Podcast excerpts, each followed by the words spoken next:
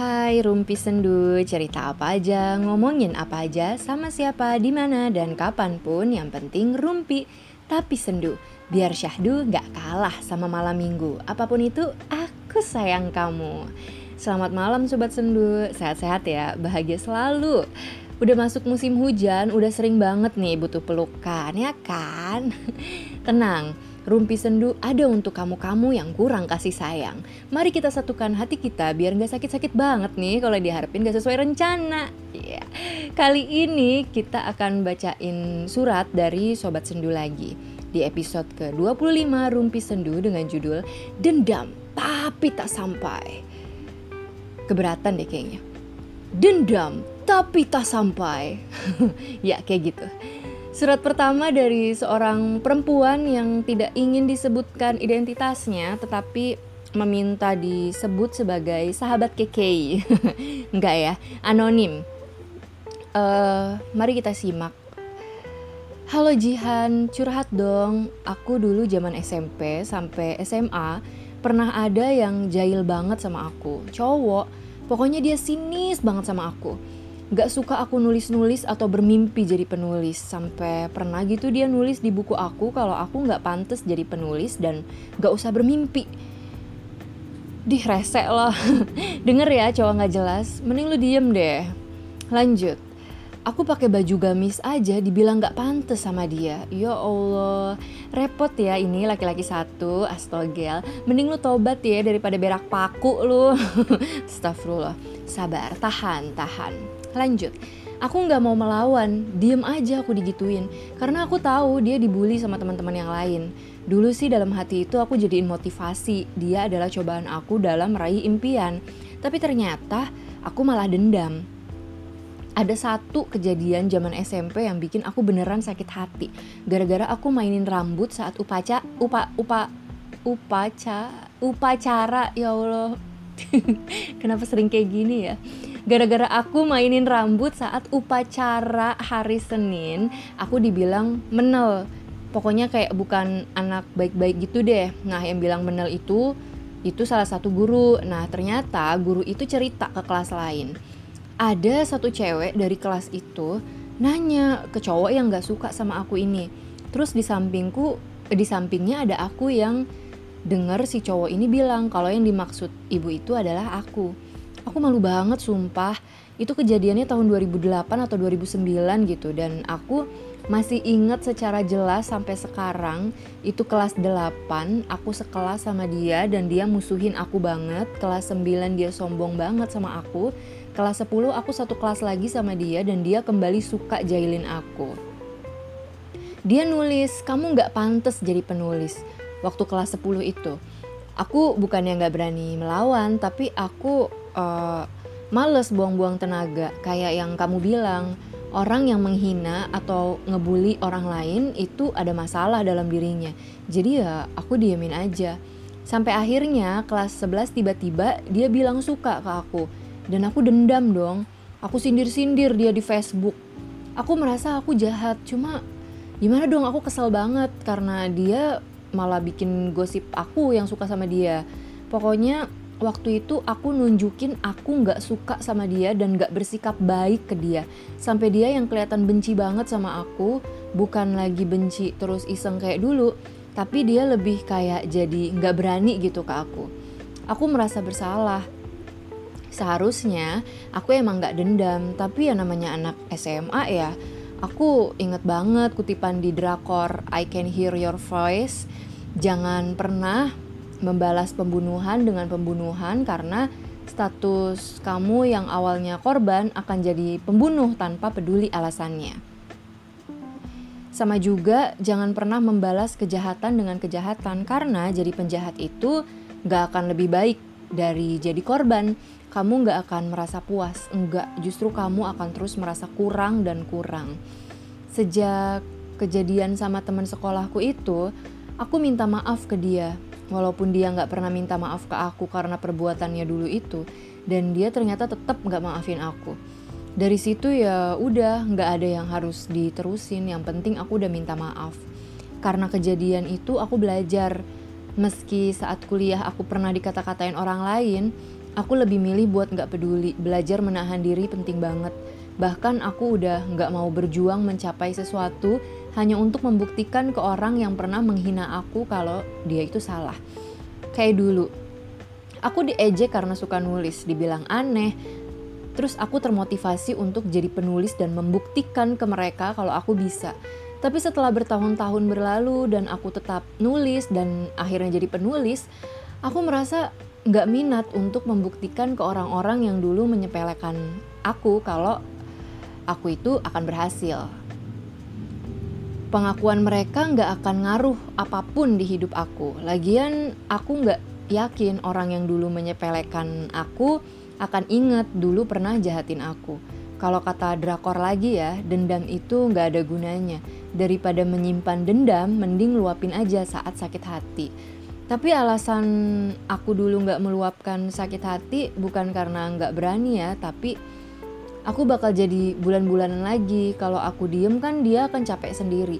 Dulu aku diem aja karena males dan aku tahu dia dibully sama teman-teman yang lain. Mungkin kalau sekarang aku digituin, aku bakal lawan dia meski cuma maki-maki tapi ya apalah aku dulu apalagi pas aku tahu dia suka sama aku tapi kelakuannya malah kayak gitu malah jadi aku yang dibilang suka sama dia suka sama orang kok malah jahat susah banget berurusan sama orang yang kayak gitu dan sekarang dia kalau ketemu aku masih kerasa kikuknya Oke, itu dia surat dari Sobat Sendu yang tidak ingin disebutkan namanya. Terima kasih banyak ya udah berbagi di sini. Sebagai perempuan ya aku lihat gitu ya kadang emang ada ya beberapa cowok yang suka sama cewek tapi takut atau malu buat jujur dan dia malah nyusahin si cewek gitu bahkan cenderung menyakiti. Sama juga kayak beberapa orang yang sayang sama pasangannya tapi yang sering diberikan justru luka bukan kebahagiaan. Kayak cowok yang suka cemburuan terus nggak bisa ngomong baik-baik malah mukul malah nutup akses buat si cewek berkembang. Tapi kalau ditanya kenapa? Dia bakal jawab karena aku sayang aku sayang banget sama kamu aku nggak mau kehilangan kamu gitu. Terus cewek yang uh, cinta sama pacarnya tiap ada apa-apa nggak mau ngomong kan semuanya ditelan sendiri. Terus kalau udah pecah berantem semuanya diungkit-ungkit. Terus si cowok nanya dong kenapa kamu gak bilang? Kenapa kamu selama ini diem aja? gitu. Terus dijawab sama si cewek karena aku sayang sama kamu. Aku nggak mau hubungan kita hancur gara-gara hal itu. Aku nggak mau kehilangan kamu gitu. Dan banyak kasus yang lainnya gitu ya. Termasuk uh, tiap cewek ataupun cowok yang lagi naksir seseorang nggak pede buat bilang atau takut kehilangan. Kalau orang itu tahu kita naksir sama dia, takut dia jadi benci dan menjauh, akhirnya cari cara gimana nih biar bisa deket terus tanpa dia tahu kalau kita suka sama dia. Dan cara yang paling gampang adalah mengganggu, bikin orang kesel, caper, tapi gak asik gitu. Kenapa gak asik? Karena kitanya suka gitu. Ada sesuatu yang kita tahan, sesuatu yang kita sembunyikan, yang kita buat-buat seolah nggak ada apa-apa. Padahal itu kerasa di orang lain kita yang disuka mungkin nggak sadar ya tapi orang lain yang merhatiin pasti ngeliat gelagat yang aneh itu. Pikiran kita kan seringnya berbelit ya. Jadi sesuatu yang lurus jadi berkelok gara-gara spekulasi kita sendiri gitu lah makanya banyak tulisan tentang orang patah hati karena cinta bertepuk sebelah tangan tuh ngomongnya pasti semacam bilang Kehadiranku telah mengganggumu. Aku yang memaksa dekat kemudian menyakiti diri sendiri. Kau bahagia bersama orang lain sementara aku sadar tak pernah berarti. Syailah. Hal itu terjadi karena mungkin kita sadar kita emang uh, mengganggu. Kita mencintai orang bukan untuk membuat dia senang tapi supaya bisa dilihat sama dia kalau kita tuh ada. Coba tuh kayak si Dilan aku suka sama Milea dan aku mau buat dia senang gitu. Akhirnya apa? Seneng kan? Walaupun Dilang Dilang walaupun si Dilan kelakuannya kayak gitu efeknya ya si Milea merasa kalau dia emang dicintai bukan digangguin gitu. Makanya dia ayo aja pas diajak pacaran.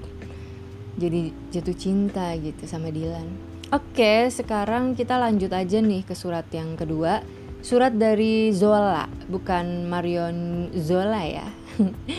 Aku mau cerita tentang mantan aku. Aku dendam sama mantan sampai nggak rela dia mati. Menurut aku dia jahat. Tapi kan kita penjahat dari cerita orang lain. Intinya mah dia pacaran sama teman deket aku. Eh bukan teman lagi tapi sahabat.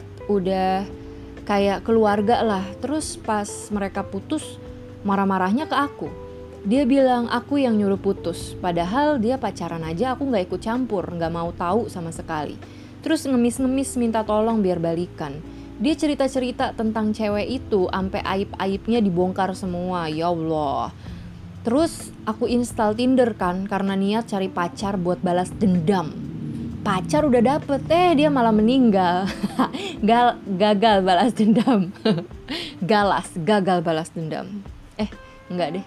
Tapi aku pacarannya awet sih ini. Kisah yang aneh ya, tapi sedihnya ibunya masih suka nelpon aku. Dia tuh kalau uh, aku deket sama cowok suka marah-marah kayak nggak terima gitu tapi ya udahlah ya dianya juga udah meninggal gitu katanya oh jadi ibunya suka masih suka telepon-nelpon terus si cowok ini suka marah-marah kalau dia deket sama cowok lain tapi minta eh iya tapi minta uh, di apa dicomblangin lagi sama mantannya yang adalah sahabatnya si cewek ini. Gimana ya? Rumit sekali ya cowok itu. Yaitu dia surat dari Zola yang bukan Marion Zola ya. Surat yang sangat menginspirasi untuk tidak membalas dendam karena baru mau balas dendam orangnya malah meninggal. Aku sangat merasakan hawa-hawa keputusasaan dalam kisah ini. Terima kasih ya Kak Zola udah mau cerita di Rumpi Sendu uh, ngomongin soal dendam sebenarnya kenapa sih manusia bisa mendendam? Aku baca-baca di artikel ya kebanyakannya itu bilang uh, karena dendam itu bagian dari emosi. Bisa positif kalau nggak dipendem bisa negatif kalau dipendem. Yang positif tuh kayak saat itu juga langsung diluapin gitu. Misal kita dapat pembulian terus langsung kita hajar dia lo katain gue babi ngepet gue katain balik lu ee-nya babi ngepet. Mau apa lu jelekan? Lu ke mana-mana. Gue keinjek bisa berontak. Lu udah tai keinjek apa kagak benyek lu? Ya kan? Plong biasanya kalau udah kayak gitu. Apalagi kalau kita lebih jago ya udah langsung berasa panutan keributan gitu ya kan? Itu dendam yang uh, positif. Karena gak dipendem. Saat itu juga langsung kita balas. Tapi kebanyakan dendam itu merugikan ya karena uh, susahnya mengendalikan emosi itu kayak contoh kecilnya lagi puasa. Terus pas uh, buka puasa balas dendam dong. Eh, dimakan semuanya kan. Terus akhirnya begah, susah napas, terus nyesel deh ya kan, ngantuk, nggak bisa sholat teraweh gitu. Sama halnya dengan dendam yang berasal dari rasa sakit yang dipendam dalam waktu lama yang sering terjadi ya di dunia ini dan sering muncul di berita-berita kriminal. Jadi katanya ya, kalau kita memelihara dendam dalam jangka panjang, itu tuh bisa bikin kita nyaman karena dendam ini membuat kita jadi punya tujuan hidup gitu. Pasti sering denger dong ya eh, atau pernah ngalamin gitu bilang kayak gini selama hidup gue gue udah dicaci maki gue nggak dapet keadilan gue tersiksa gue bakal bales semua perlakuan orang-orang itu dengan prestasi dengan kesuksesan gue dengan kekayaan gue dan gue bakal beli mulut mereka semua sampai mereka nggak bisa ngerendahin gue lagi. Uh. Dulu tenar nih kalimat yang kayak e, ketika kamu dihina maka sukseslah hingga kau bisa beli mulut-mulut orang yang menghinamu itu. Ya kan secara nggak langsung itu dendam. Tapi bilangnya itu dendam yang positif. Padahal mungkin dendamnya terlihat positif tapi kan kita mencari pembuktian ya. Dan seperti yang dibilang sobat sendu yang penulis tadi nggak ada gunanya mencari-cari pembuktian untuk diri sendiri. Karena ketika kita udah terbukti oke okay, gitu ya kamu hebat kamu kuat bla bla bla bla. Kita ingin menjadi yang lebih lagi atau kita jadi takut dengan penolakan dan kekaka, ke, ke, ke, kekalahan. Eh tolong dong uh, bagi tips gitu gimana sih caranya biar kalau lagi ngomong tuh nggak nggak tiba-tiba mengeluarkan suara-suara yang aneh gitu kayak kayak otak sama mulut tuh nggak sinkron gitu kekalahannya suka kayak gitu kalau ngomong kenapa tolong ya terus uh, kita jadi manusia yang penuh obsesi semu penuh dengan ambisi mengejar ini itu tapi lupa sama sekitar kita kan dan kita jadi lebih sulit untuk merenungkan diri sendiri gitu sulit buat melihat diri kita karena hanya fokus pada dendam itu dendam yang kita anggap positif itu karena dendam yang membawa kita pada kesuksesan dianggap itu adalah positif padahal hanya ingin sebuah pembuktian gitu. E, keseringan juga kalau kita dendam tuh ya itu karena kita nggak ada tempat untuk meluapkan emosi itu gitu. Aku punya temen nih itu tuh dia kalau ada masalah ya kerjaannya tuh langsung ngechat aku gitu. Dan macem-macem gitu yang diomongin. Ini kalau dia denger dia kesel nggak ya? Heh lu ngomongin gue. Terus uh, kayak misalkan nih dia ada masalah nih sama orang langsung ngechat eh gue benci banget ya sama tuh orang dasar nggak tahu diri masih bagus gue gini gini gitu bukannya gitu gitu gini dia malah gini gue begindang coba. Kayak gitu dia ngechat. Pokoknya panjang banget dan itu bikin dia jadi lega gitu. Terus besoknya lupa deh sama emosi itu gitu kan tapi masih ingat sama kejadiannya gitu.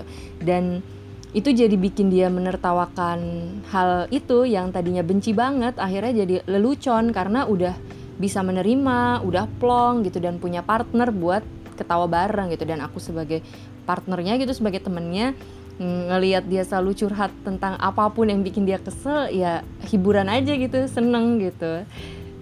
Terus eh, kadang nih banyak orang yang dipendem emosinya. Terus eh, numpuk jadi dendam gitu. Kadang dia mendem dikit eh harusnya bisa nih meluapkan dengan lega tapi justru malah curhat sama orang yang nggak tepat. Aku pernah loh kesel nih sama orang curhat kan.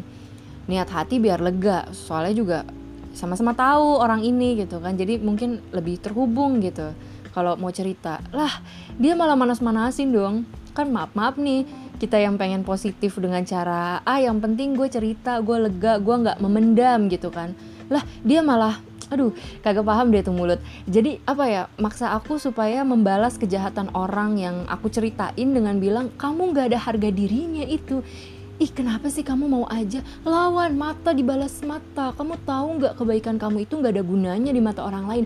Makanya kalau ada apa-apa itu harus dibalas. Lihat aku. Apa ada yang berani ngerendahin aku? Sekali aku direndahin aku balas dua kali lipat orang-orang itu. Merinding gue kan? Bukannya mau balas dendam gue jadi pengen nampol elu saudara. Pokoknya gitulah. Hati-hati. Uh, mending kalau kesel nulis diary aja dah biar nggak terjebak dengan orang-orang yang panasan ya kan? Jadi kita yang uh, apa jadi kita yang pengen lega eh kita salah curhat sama orang orang yang dendam gitu. Kita yang nggak dendam orang yang dendam kan hati-hati juga gitu. Makanya milih orang buat curhat ya kan? Udah dulu ah aus. Malam minggu besok lagi ya kita ngobrol lebih panjang soal dendam ini Pas kan ya malam ini judulnya dendam tapi tak sampai. Ngobrol soal dendamnya belum kelar udah harus berakhir nih.